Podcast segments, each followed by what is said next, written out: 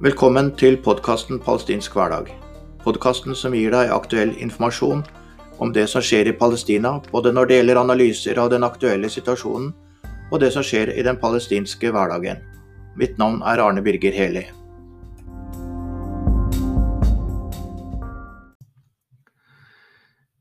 I denne episoden så skal vi høre litt om Israel som jødenes største problem, og vi skal høre om sionismen, som er det ideologiske grunnlaget for eh, opprettelsen av staten Israel. Men la oss begynne med en hendelse.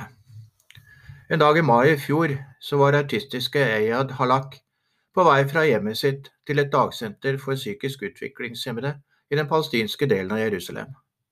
Det er ikke så langt, og han hadde begynt å gå aleine, men ble møtt på halvveien av en miljøarbeider fra senteret. Han hadde etter hvert forstått at de skumle israelske soldatene ved sjekkpunktet han hver dag passerte, ikke ville skyte ham. Da miljøarbeideren denne dagen var på vei for å møte Eyad, hørte hun plutselig skudd fra sjekkpunktet som Eyad måtte passere. Og kort etter kom han løpende, med flere soldater etter seg. Hun skjønte umiddelbart at her sto det om livet til Ayad. Hun løp ham i møte og fikk dratt ham inn i et lager, der han falt over å renne på gulvet. Soldatene kom etter, og hun ropte både på hebraisk og arabisk at Ayad var funksjonshemmet og ubevæpnet. Allikevel bøyde en av soldatene seg over ham og skjøt ham to ganger i brystet på kloss hold. Ayad døde momentant. I alle saker der det er konflikter mellom palestinere og israelere på en eller annen måte, er det israelsk politi og militære som etterforsker, og palestinere nektes å delta på alle plan. Alle saker skal også fremmes for israelske rettsinstanser. Så også i denne saken. Til tross for at politiet hadde ti kameraer langs ruta der hendelsen fant sted, så var visstnok ingen av dem i funksjon akkurat da. Soldaten fortalte at han trodde at Ayad var terrorist, fordi han annet hadde hansker på seg. Og egentlig, mente israelske myndigheter, ja, det hele var nå en tragisk historie for alle parter, så man fikk se hva man skulle gjøre. Det er mye som tyder på at israelske overgrep mot den palestinske befolkningen er økende, både fra israelske militære, politi og ikke minst fra innbyggere i de ulovlige bosettingene. Det drepes rundt en palestiner i uka, når det ikke er uh, mer allmenne opprør, og det er mange som såres også. Undersøkelser viser at 91% av alle anmeldelser fra palestinere til israelsk politi som handler om anmeldelser av israelske forbrytelser, henlegges eller ikke følges opp. Da er man mer aktiv når det gjelder palestinere. Nå sitter ca. 4500 eh, palestinere i israelske fengsler, og 450 av dem uten lov og dom. Det er såkalt administrativ forvaring. Det betyr at de får ikke vite hva de er anklagd for, de har ikke rett på noe forsvarer, og det er ikke rettssak. Det er bare en administrativ forvaring, og vanligvis så blir de fremstilt for en dommer Eh, hver sjette måned. Og eh, eh, den administrative forvaringa blir da forlenga for et halvår om gangen. Og Myndighetene har trappet opp ødeleggelsen av palestinske hus, og flere ganger er hele beduinleirer revet. Rett før jul nå så ble en beduinleir revet, og over 70 mennesker, deriblant mange barn, sto på bar bakke rett foran vinteren og med en pandemi gående rundt seg. Mange tror at okkupasjonen av Palestina er en slags okkupasjon light, men alle som har vært i Palestina, har sett den militære tilstedeværelsen overalt i form av veisperringer, faste og flying sjekkpunkter. Det er gjerder og murer nærmest overalt og veier kun for de ulovlige bosetterne, og militærøvelser blant den palestinske sivilbefolkningen, særlig i Jordandalen og om natta kommer det raids i landsbyene der man er på jakt etter terrorister. Forstått her som unggutter som har kasta stein etter soldatene. Det sitter til enhver tid flere hundre barn i israelske fengsler. Ifølge den militære straffeloven er minstealderen for å putte, eh, barn i fengsel tolv år. Mens væpnede bosettere truer og utøver vold mot palestinere, særlig palestinske bønder. Og det er lett å fornemme den daglige redselen i palestinernes øyne, det har jeg opplevd sjøl. En liten historie her. Jeg og en venninne var hun som var sjåfør da, vi skulle kjøre til en liten landsby utenfor Betlehem. Eh, og i en rundkjøring som eh, hadde veier både til disse ulovlige bosettingene og til den landsbyen vi skulle, der var det masse soldater. Så jeg tok opp fotoapparatet og tenkte jeg skulle ta et par bilder. Men da var venninna mi rask til å si 'legg ned det fotoapparatet med en gang'. De kan tro at det er skytevåpen, og da blir vi skutt både du og jeg. Sånn er den daglige virkeligheten til palestinerne. Stadig går de i redsel for at noe skal skje rundt dem. I det siste har jeg studert hjemmesidene til israelsk utenriksdepartementet, og jeg kom til å tenke på opphisselsen i norske medier om at man ikke finner Israel på palestinske kart. Ja da, slike kart har jeg sett mange av i mange palestinske hjem. Historiske kart som viser hvor i Palestina familien kom fra, før de ble jaget fra landsbyen av israelske soldater, landsbyer som nå er jevna med jorda. Skal ikke palestinere ha rett til å vise hvor de en gang bodde? Kanskje man burde gå inn på hjemmesidene til israelsk UD? Der finner man ikke dagens Palestina, kun Judea og Samaria. Palestina fins ikke. Opprettelsen av staten Israel er unik. I en periode i historien der man brukte mye ressurser på å utvikle folkeretten og menneskerettighetene, og etablerte internasjonale domsorganer, lar verdenssamfunnet et folk ta over et helt land og i realiteten fordrive landets opprinnelige innbyggere. Og framtidas eh, historikere vil her ha mye å undre seg over. Hvordan kunne det skje? Hvis vi skal se litt på hva som skjedde, er det to ord som blir viktige. Det ene er løgn, og det andre er rettferdiggjøring. To ord som følger hverandre tett. Men først en kort definisjon. Det ideologiske grunnlaget for staten Israel er sionismen, slik uttrykt på det israelske utenriksdepartementet sine hjemmesider. Zionism is an ideology which expresses the yearning of Jews the world over for their historical homeland, Sion, the land of Israel. Historical homeland, ja. Det er altså her forstått som Palestina, og sionistenes påstand om deres rett til dette landet. Det er viktig å se forskjellen på jødene som folk og sionismen som en aggressiv ideologi som altså krevde et eierskap til et land de faktisk ikke bodde i. For ikke på langt nær alle jøder bekjenner seg til sionismen. Omtrent en tredjedel av verdens jøder bor i Israel, og millioner støtter ikke Israels okkupasjon av Palestina. Så man kan ikke hevde at Israel er jødisk. At det er faktisk en fornærmelse mot jødene som folk. Israel er sionistisk, og i teksten her så bruker jeg mye sionister og ikke jøder. Det hevdes at sionismen er historias mest vellykka ideologi. Den har skapt et nytt land på erobret jord, uten at verdenssamfunnet har lagt to fingre i kors for å stoppe disse omfattende bruddene på humanitærretten. Så hvordan kunne sionistene rettferdiggjøre et slikt radikalt krav på et annet land? For det første måtte de bygge opp et narrativ om at Palestina egentlig er jødisk. I boka The Invention of the Jewish People går den israelske historikeren eh, Shlomo Sand gjennom hvordan en del jøder på 1800-tallet prøvde å definere jødene som en nasjon uten land. I 1896 kom en bok som heter Der Jodenstat av Theodor Herzl, der han mener det må opprettes en jødisk stat der jødene kan være fri for all antisemittisme som de utsettes for. Han nevnte ingen områder, men to år seinere dannes Verdens sionistorganisasjon, der man går inn for at denne staten skal være i Palestina. Sand imøtegår denne tanken om jødene som nasjon. Han viser hvordan sionistene prøver å bruke jødisk historie som bevis på deres krav på Palestina. De bruker Bibelens gamle testamente nærmest som en autorisert historiebok, og peker på at det i dag er umulig å bekrefte at historiene derfra faktisk har skjedd, som eksempel den jødiske utvandringa fra fangenskapet i Egypt. Det er ingen funn av noe slikt, og det er heller ikke omtalt andre steder. I år 70 etter vår tidsregning hevdes sionistene som det endelige tidspunktet da jødene ble drevet ut av Jerusalem. Sion er for øvrig hebraisk for Jerusalem. De ble drevet ut av romerne. Sand hevder at dette neppe har skjedd som et historisk vendepunkt, men mer som et av, et, men mer som et av mange opprør mot romerne rundt om i den romerske verden.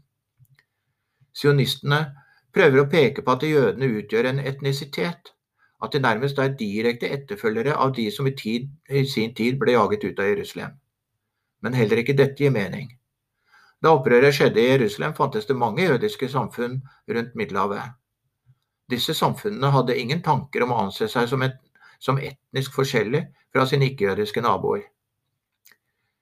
Sionismen prøver altså å bygge opp en rettferdiggjøring av sitt krav på Palestina gjennom en omfattende historieforfalskning. Rundt forrige århundreskifte begynte den jødiske innvandringa til Palestina å øke betraktelig. Man hadde et slags narrativ om at et folk uten land, jødene, skulle til et eh, land uten folk, Palestina. Men da bodde det nærmere én million mennesker i Palestina, og det var jo store bysamfunn som Jerusalem, Hebron, Gaza og mange andre. Så dette ble etter hvert forlatt, selv om vi kan se rester av dette på det israelske UD sine hjemmesider fortsatt.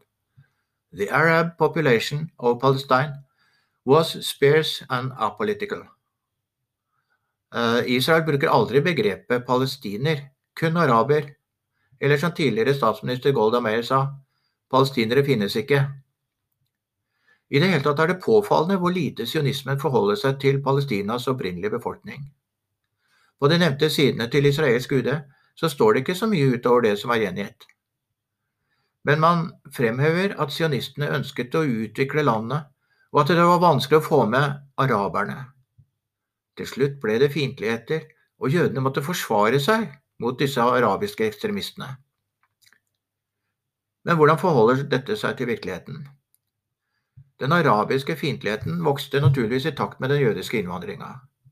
Etter første verdenskrig ble Palestina et britisk mandatområde, og palestinerne opplevde at eh, britene støttet en økende jødisk innvandring. Utover 30-tallet ble det et omfattende palestinsk opprør både mot det britiske koloniveldet og mot sionismen. Dette ble slått brutalt ned og ga banesåret til palestinsk motstand mot britisk herredømme og seinere også mot sionismens erobring.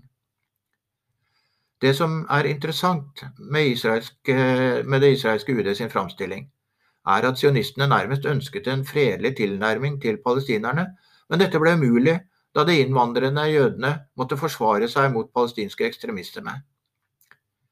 Denne påstanden om en fredelig sionisme plukkes grundig fra hverandre fra flere hold, bl.a. i boka The Idea of Israel av den jødiske professoren ved universitetet i Exeter i England, Aylan Papé. Egentlig hadde sionistene aldri noen klar plan for hvordan de skulle forholde seg til de som bodde i Palestina. De ble i stadig større grad oppfatta som et problem, og løsninga var det som ble den palestinske katastrofen al-Nakba, fordrivelsen. Eller for å si det med den israelske første statsministeren David Ben-Gurion under den arabisk-israelske krigen i 48-49. Mest mulig land med færrest mulig arabere. Papé skriver om hvordan sionismen ønsket å framstille israelske jøder som helter som sloss for sitt nye land kultiverte jorda og bygget, bygget et nytt samfunn. Og Her kan det også skytes inn som en del av den merkelige rasistiske delen av sionismen. For i dette paradigmet så passa ikke de millioner av jødene som vandret inn i gasskamrene uten motstand. Og de som overlevde, gjorde det fordi de på en eller annen måte måtte ha, mis, eh, ha bistått nazistene. Så resultatet ble en tragisk mistenkeliggjøring av de jødene som tross alt hadde overlevd marerittene. Dette her kan jeg innskyte om at jeg faktisk har lest om i eh, israelske aviser også skjer eh, nå, eller nylig, da, nå er det jo ikke mange som lever lenger. Um, og jeg har stussa litt over disse påstandene om at uh, sionismen uh, til en stor grad ikke stilte seg sympatisk overfor de som hadde overlevd marerittene i Europa. Men som vi ser her, og som uh, altså Peled uh, hevder, er at uh, de som overlevde, de passa ikke inn i dette narrativet om den nye jøden i det nye landet. Vi, vet, vi ser altså hvordan sionismen systematisk har bygget opp et narrativ der det egentlig er jødene som eier Palestina. Videre blir palestinerne et problem fordi de naturligvis yter motstand mot den israelske okkupasjonen av landet deres og framstilles konsekvent som terrorister. Det var først og fremst europeiske jøder som sto bak sionismen, og selv om det var jøder, så bar de nok med seg den europeiske rasistiske arven til Palestina. Og nettopp den iboende rasismen i Europa og USA har gjort at sionistene har fått fritt leide. Det er landets opprinnelige befolkning og deres motstand mot imperialisme og okkupasjon som er problemet. Vi ser her akkurat det samme som vi så i Algerie, Vietnam og alle andre steder, steder der imperialiststatene har herja. Og i tillegg har Israel nærmest et tryllekort i ermet. All kritikk av Israel er å betrakte som antisemittisme. Men Israel mener jo dette. Her er det fra den samme UD-sida. It, altså Israel, da, advocated the right of every people on earth to its own home, and argued that only a sovereign and autonomous people could become an equal member of the family of nations. Ironien er mer enn påfallende, og viser med all mulig tydelighet at dette ikke omfatter palestinerne. Som beskrevet innledningsvis er det stadig vanskeligere og farligere å være palestiner i Palestina. Sionismen har utvikla Israel til å bli en gangsterstat, en skam for det jødiske folk. Og det internasjonale samfunnet ikke minst Israel-vennene, har latt Israel bli det. Israel begynner altså å minne om pøbelen i klassen, ikke sant? Han som stjeler mobilene til de andre elevene på skolen og banker dem opp på hjemveien. Og så er det de voksne som står og heier på og sier at dette har han rett til. Men det avgjørende spørsmålet som alle må stille seg, er den israelske politikken bærekraftig? Svaret er nei. Det har vært to omfattende palestinske opprør mot okkupasjonen, altså intifadaene. Det siste var i perioden 2000 til 2005. Antall drepte her er uklart, men estimater viser omtrent 3000 palestinere og 1000 israelere. Dette viser voldspotensialet i et nytt intifada. Så ingen må bli forbausa over at en dag går en palestiner på bussen i Vest-Jerusalem med et bombebelte rundt magen. Så en liten løgnhistorie til slutt. Det var en bekjent av meg som henvendte seg til meg. Han hadde lyst til å dra og besøke både Palestina og Israel. Og han hadde henvendt seg til den israelske ambassaden med spørsmål om hvordan han skulle forholde seg med innreise. Han fikk svar fra ambassaden om hvordan han skulle forholde seg. Og svaret var at uh, han kunne ta fly, og når han kom til flyplassen i Israel, uh, Ben Gurion-flyplassen, så ville han få tre måneders visum ved å henvende seg ved passkontrollen. Men når han skulle til Palestina, så måtte han søke visum på forhånd for å komme inn eh, hos de palestinske visummyndighetene. Og han hadde jo da begynt å lete da, prøve å finne disse eh, palestinske visummyndighetene, men han fant ikke noe. Så Derfor så henvendte han seg til meg, for han hadde hørt at jeg hadde vært der før, så han lurte på hvordan jeg hadde forholdt meg. Problemet er jo det at det var jo blank løgn, det som sto fra den israelske ambassaden. Det finnes jo ikke noen palestinske visummyndigheter. Det er Israel, Israel ene og alene som bestemmer hvem som skal få lov til å komme, komme inn i Palestina. Og jeg tenker liksom sånn at eh, ok, man kan ljuge i det store, og da smitter det kanskje over på at man ljuger i det små òg. Og det er noe med at man er jo heller ikke redd for å bli oppdaga, for sånt vil jo folk eh, finne ut eh, ganske raskt. Så på en måte så var det Israel i et nøtteskall. Det var det for denne gangen. Det kan dere jo tenke litt over. Ehm, på hjemmesiden min på Facebook, eller der hvor dere leser om eh, denne lille reklamesnutten som jeg legger ut på Facebooks forskjellige sider.